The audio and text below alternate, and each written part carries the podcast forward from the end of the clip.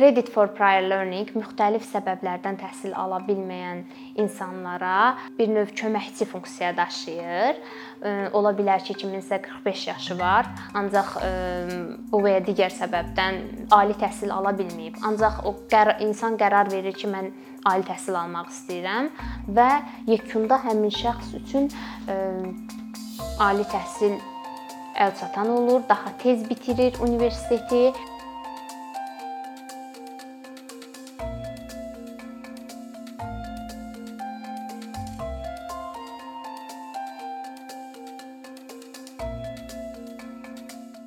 boyu öyrənmə həm dünyada, həm də Azərbaycanın e, fərqli təhsil müəssisələrində hal-hazırda aktual olan mövzulardan biridir.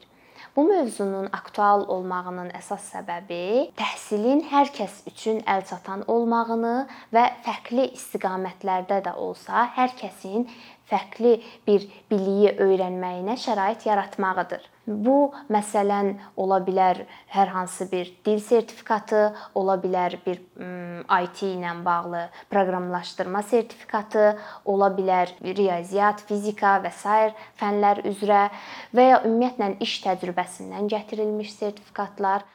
Amerika universitetlərinin təcrübəsinə baxdıqda biz görürük ki, Amerika universitetləri 50 ildən çoxdur ki, credit for prior learning anlayışından istifadə edirlər.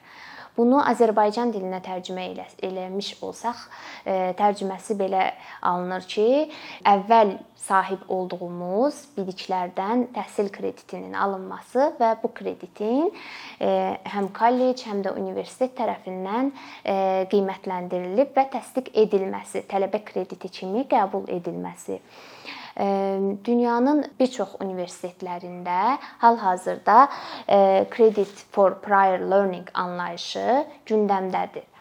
Bu təcrübəni e, Azərbaycanda da biz baxası olsaq, e, fərqli universitetlərimizdə görə bilərik. Məsələn, e, burada dil sertifikatının universitetə təqdim edilməsi və bizim foundation adlandırdığımız tələbənin birinci təhsil ilindən azad olunması və onun təhsil müddətinin azaldılması nəzərdə tutulur. Bunun həm universitetə, həm də tələbəyə individual olaraq faydaları var. Məsələn, biz tələbəyə olan faydalarından danışası olsaq, bunu deyə bilərik ki, tələbə universiteti daha tez bitirir hansı yaşında olmağından asılı olmayaraq ali təhsil onun üçün əlçatan olur. Bunun universitetə olan faydasından danışası olsaq, universitet nə qazanır? Universitet e, daha çox tələbə e, qəbul edir. Çünki tələbələr görürlər ki, universitetdə əvvəl öyrəndikləri biliyi tanıda bilirlər. Onda universitet onlara maraqlı olur və həmin universiteti seçirlər. Əlavə olaraq da ömür boyu öyrənmək hər bir universitetin strategiyasında var. Yəni hal-hazırda biz Azərbaycan universitetlərinə də baxası olsaq görərik ki, ömür boyu öyrənmək mərkəzləri var. Yəni bu sadəcə tələbənin yox, universitetin də marağında olan bir mövzudur.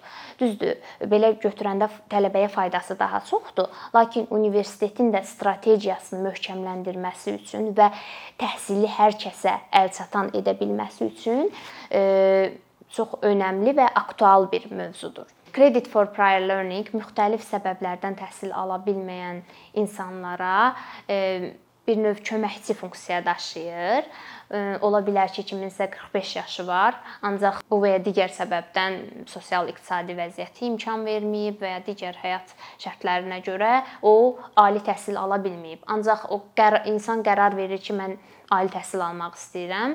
Müəyyən qədər də sertifikatları, iş təcrübəsi, həmin sahib olduğu e, nüanslar ilə universitetə e, müraciət eləyir və onun krediti e, universitet nümayəndəliyi tərəfindən yoxlanılır. Təbii ki də burada xüsusi kriteriyaların olmağı şərti ilə və yekunda həmin şəxs üçün ali təhsil əlçatan olur, daha tez bitirir universiteti və maliyyə cəhətdən də xüsusilə də bunun maliyyə cəhəti vurğulanmalıdır. Yəni daha əlverişli olur. Credit for prior learning anlayışının biraz ə, açıqlaması haqqında danışmaq istəyərdim. Necə olur ki, insanlar ə, bu sistemə müraciət eləyirlər, universitetə hansı qaydada müraciət edirlər və ümumiyyətlə proses necə olur? Birinci növbədə hər bir universitetin bu işə baxan bir konsultantı olur və şəxslər birbaşa həmin həmin o konsultantla əlaqə saxlayırlar və prosesi öyrənirlər. Hər bir universitetin Credit for Prior Learning strategiyası fərqlidir. Yəni bir A universitetində bu qayda sadəcə mail üzərində müraciətlə ola bilər, bir B universitetində isə böyük bir application forması şəklində ola bilər. Yəni sadədən mürəkkəbə doğru təhsil müəssisəsindən asılı olaraq dəyişir. Amma belə ümumi götürsək, əgər Credit for Prior Learning strategiyası varsa, universitetə e, birbaşa müraciət eləyir şəxs, yəni təhsil alan daha sonra onun lazım olan sənədləri toplayır. Paralel olaraq da universitetlə danışıqlar aparır. Çünki həmin kreditin real olduğunu yoxlayan komissiya daim tələbə ilə və ya iş iş yerindən təcrübə gətirib onu tanıtmaq istəyirsə, iş yerindəki mentoru ilə əlaqə saxlayır və yekun olaraq qərar verilir ki, bu təhsil krediti olaraq tanınsın yoxsa yox. Məsələn, iş təcrübəsi sadəcə bu bir növ əvvəl öyrən öyrənilən bilikdən gətirilən kreditdə bir nümunədir. Daha aktualı, daha bir növ tələbələr tərəfindən daha çox istifadə ediləni kompüter mühəndisliyi və IT ixtisaslarında olan sertifikatlardır. Məsələn, onlar hansı ki, beynəlxalq olur, həmin o sertifikatları gətirərək təhsil kreditini sildirir tələbələr. Bir başqası treninqlərdən, workshoplardan gətirdikləri sertifikatlar. Burada təbii ki də, yəni sertifikatın və treninqin saatı sertifikatda qeyd edilməlidir ki, neçə saat treninq alıb və o treninqi hansı imtahanlar vasitəsilə yekunlaşdırıb, nə qədər bal toplayıb, müvəffəqiyyəti və s. ölçülür. Daha sonra uyğun hesab edildiyi halda kredit verilir.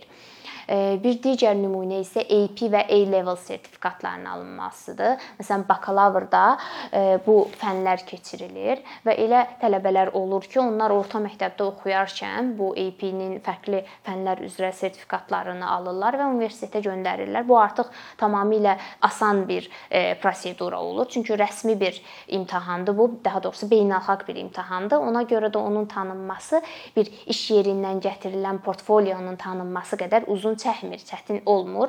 Çünki bu dediyim kimi daha e, kriteriyaları, standartları e, spesifik olan bir şeydir. Əvvəl öyrənən biliklərdən gələn krediti hesablayarkən əsas universitet nəyə fikir verir? Burada birinci növbədə təqdim edilən bu sertifikatın və ya digər daha əvvəl bu saydığımız iş yerindən ola bilər gətirilən sertifikat və ya portfolio və s. nədirsə o, yəni universitet və ya kollec səviyyəsindədirmi? Yəni birinci ona ona baxırlar həmin o krediti bir növ kreditə bərabər olan sertifikatı neçə saat vaxt sərf eləyərək alıb, hansı bir növ instrumentlərdən istifadə edilib, imtahan veribmi, veribsə hansı bir növ kriteriyalar daxilində verilib. Bunlar analiz edilir və universitet və kollec səviyyəsində olmalıdır. Digər bir nüans isə hər bir universitetinin özünün e, CPL kriteriyası var və o da Credit for Prior Learning-ə uyğun olmalıdır və e, bütün sənədlər toplandıqdan sonra əgər kriteriyalara uyğundursa, e, sənədlər keçir növbəti mərhələyə və universitetin həmin bu işə baxan məsul şəxs tərəfindən və ya şəxslər tərəfindən yoxlanılır. Daha sonda sonda isə yekun qərar verilir. E, bu təhsil kreditinin Azərbaycan üçün perspektivlərindən danışası olsaq, bunu deyə bilərik ki, e, Azərbaycandakı ali təhsil müəssisələrinin biznes müəssisələri ilə əməkdaşlığına e, müsbət mənada artmasına səbəb ola bilər. Belə ki, hər hansı bir öyrənən şəxs iş yerindən portfolio gətirə bilər və universitet həmin o portfolionu analiz eləyərkən biznes müəssisəsi ilə əlaqədə olacaq. İstər-istəməz əlaqələr genişlənəcək, bağlar artacaq. Ona görə də sırf bu sənaye ilə əməkdaşlıq perspektivindən əhəmiyyətlidir. Növbəti bir üstün cəhəti o ola bilər ki, bizdə təhsil strategiyasında ömür boyu öyrənmək artıq əsas götürülür və çalışırıq ki, biz bu istiqamətdə işlər görək. Necə ki, ali təhsilin əlçatanlığı üçün biz çalışırıq ali təhsil hər hər kəs üçün əlçatan olsun. Bu təhsil kreditinin də tətbiqi bir növ həmin o strategiyaya təkan vermiş olacaq. Növbəti əhəmiyyətli nüans isə layihə əsaslı işləmək bacarıqlarının artırılması olacaq. Məsələn, bir sertifikat aldıq alan zaman və ya başqa bir portfolio hazırlayıb sonra onu kredit kimi təqdim edən zaman tələbə problem əsaslı işləməyi öyrənəcək. Yəni bir var gəlib dərsdə onun nəzəriyyəsini öyrənmək, bir də var konkret bildiyi bir e, artıq bilik tədqiqata keçmiş olacaq və real bir təcrübə kimi universitetə təqdim ediləcək. Və bu tələbələrin sabah məzun olduqları zaman özlərini biznesdə də yaxşı e, mənada tapmaqlarına kömək eləmiş olacaq. Mən bu araşdırmanı edərkən Azərbaycan nümunəsinə də baxdım və e, Azərbaycan universitetlərində daha çox məsələn veb saytlarından biz nəzər nəzər saldım və gördüm ki, orada sırf ömür boyu öyrənmək konteksti vurğulansa da, bu təhsil kreditinin gətirilməsi, tanınması və sair e, hələ ki aktual deyil. E, lakin Xəzər Universiteti nümunəsində bu tətbiq edilib. Bir universitet daxili elan edilmiş bir layihə çərçivəsində təhsil alanların sırf həmin sertifikat proqramında bir növ iştirak edən e, şəxslərə müəyyən qədər kredit verilib və onlar o krediti universitetin magistr e, dərəcəsi aldıqları zaman əgər həmin universiteti seçirlərsə, e, müəyyən qədər sertifikatlarında qeyd edilən qədər kredit onların ümumi kreditlərindən azalır və bunlar daha az təhsil haqqı ödəyirlər, eyni zamanda universiteti daha tez bitirirlər, daha erkən bitirirlər. Düşünürəm ki, bu layihələrin sayı artırıla bilər. Digər universitetlər də bu nümunədən istifadə eləyə bilərlər. Daha sonra ömür boyu öyrənmək mərkəzlərinin e, reputasiyası artırıla bilər. Daha çox insan bu haqqda məlumatlana bilər və sırf bu istiqamətlər üzrə kadrlar yetişdirilərək ömür boyu öyrənmək mərkəzlərində e, biz də öz e, bir növ öz təhsil nümunəmizdə əvvəl öyrənilən biliklərin təhsil krediti kimi tanınmasına nail ola bilərik.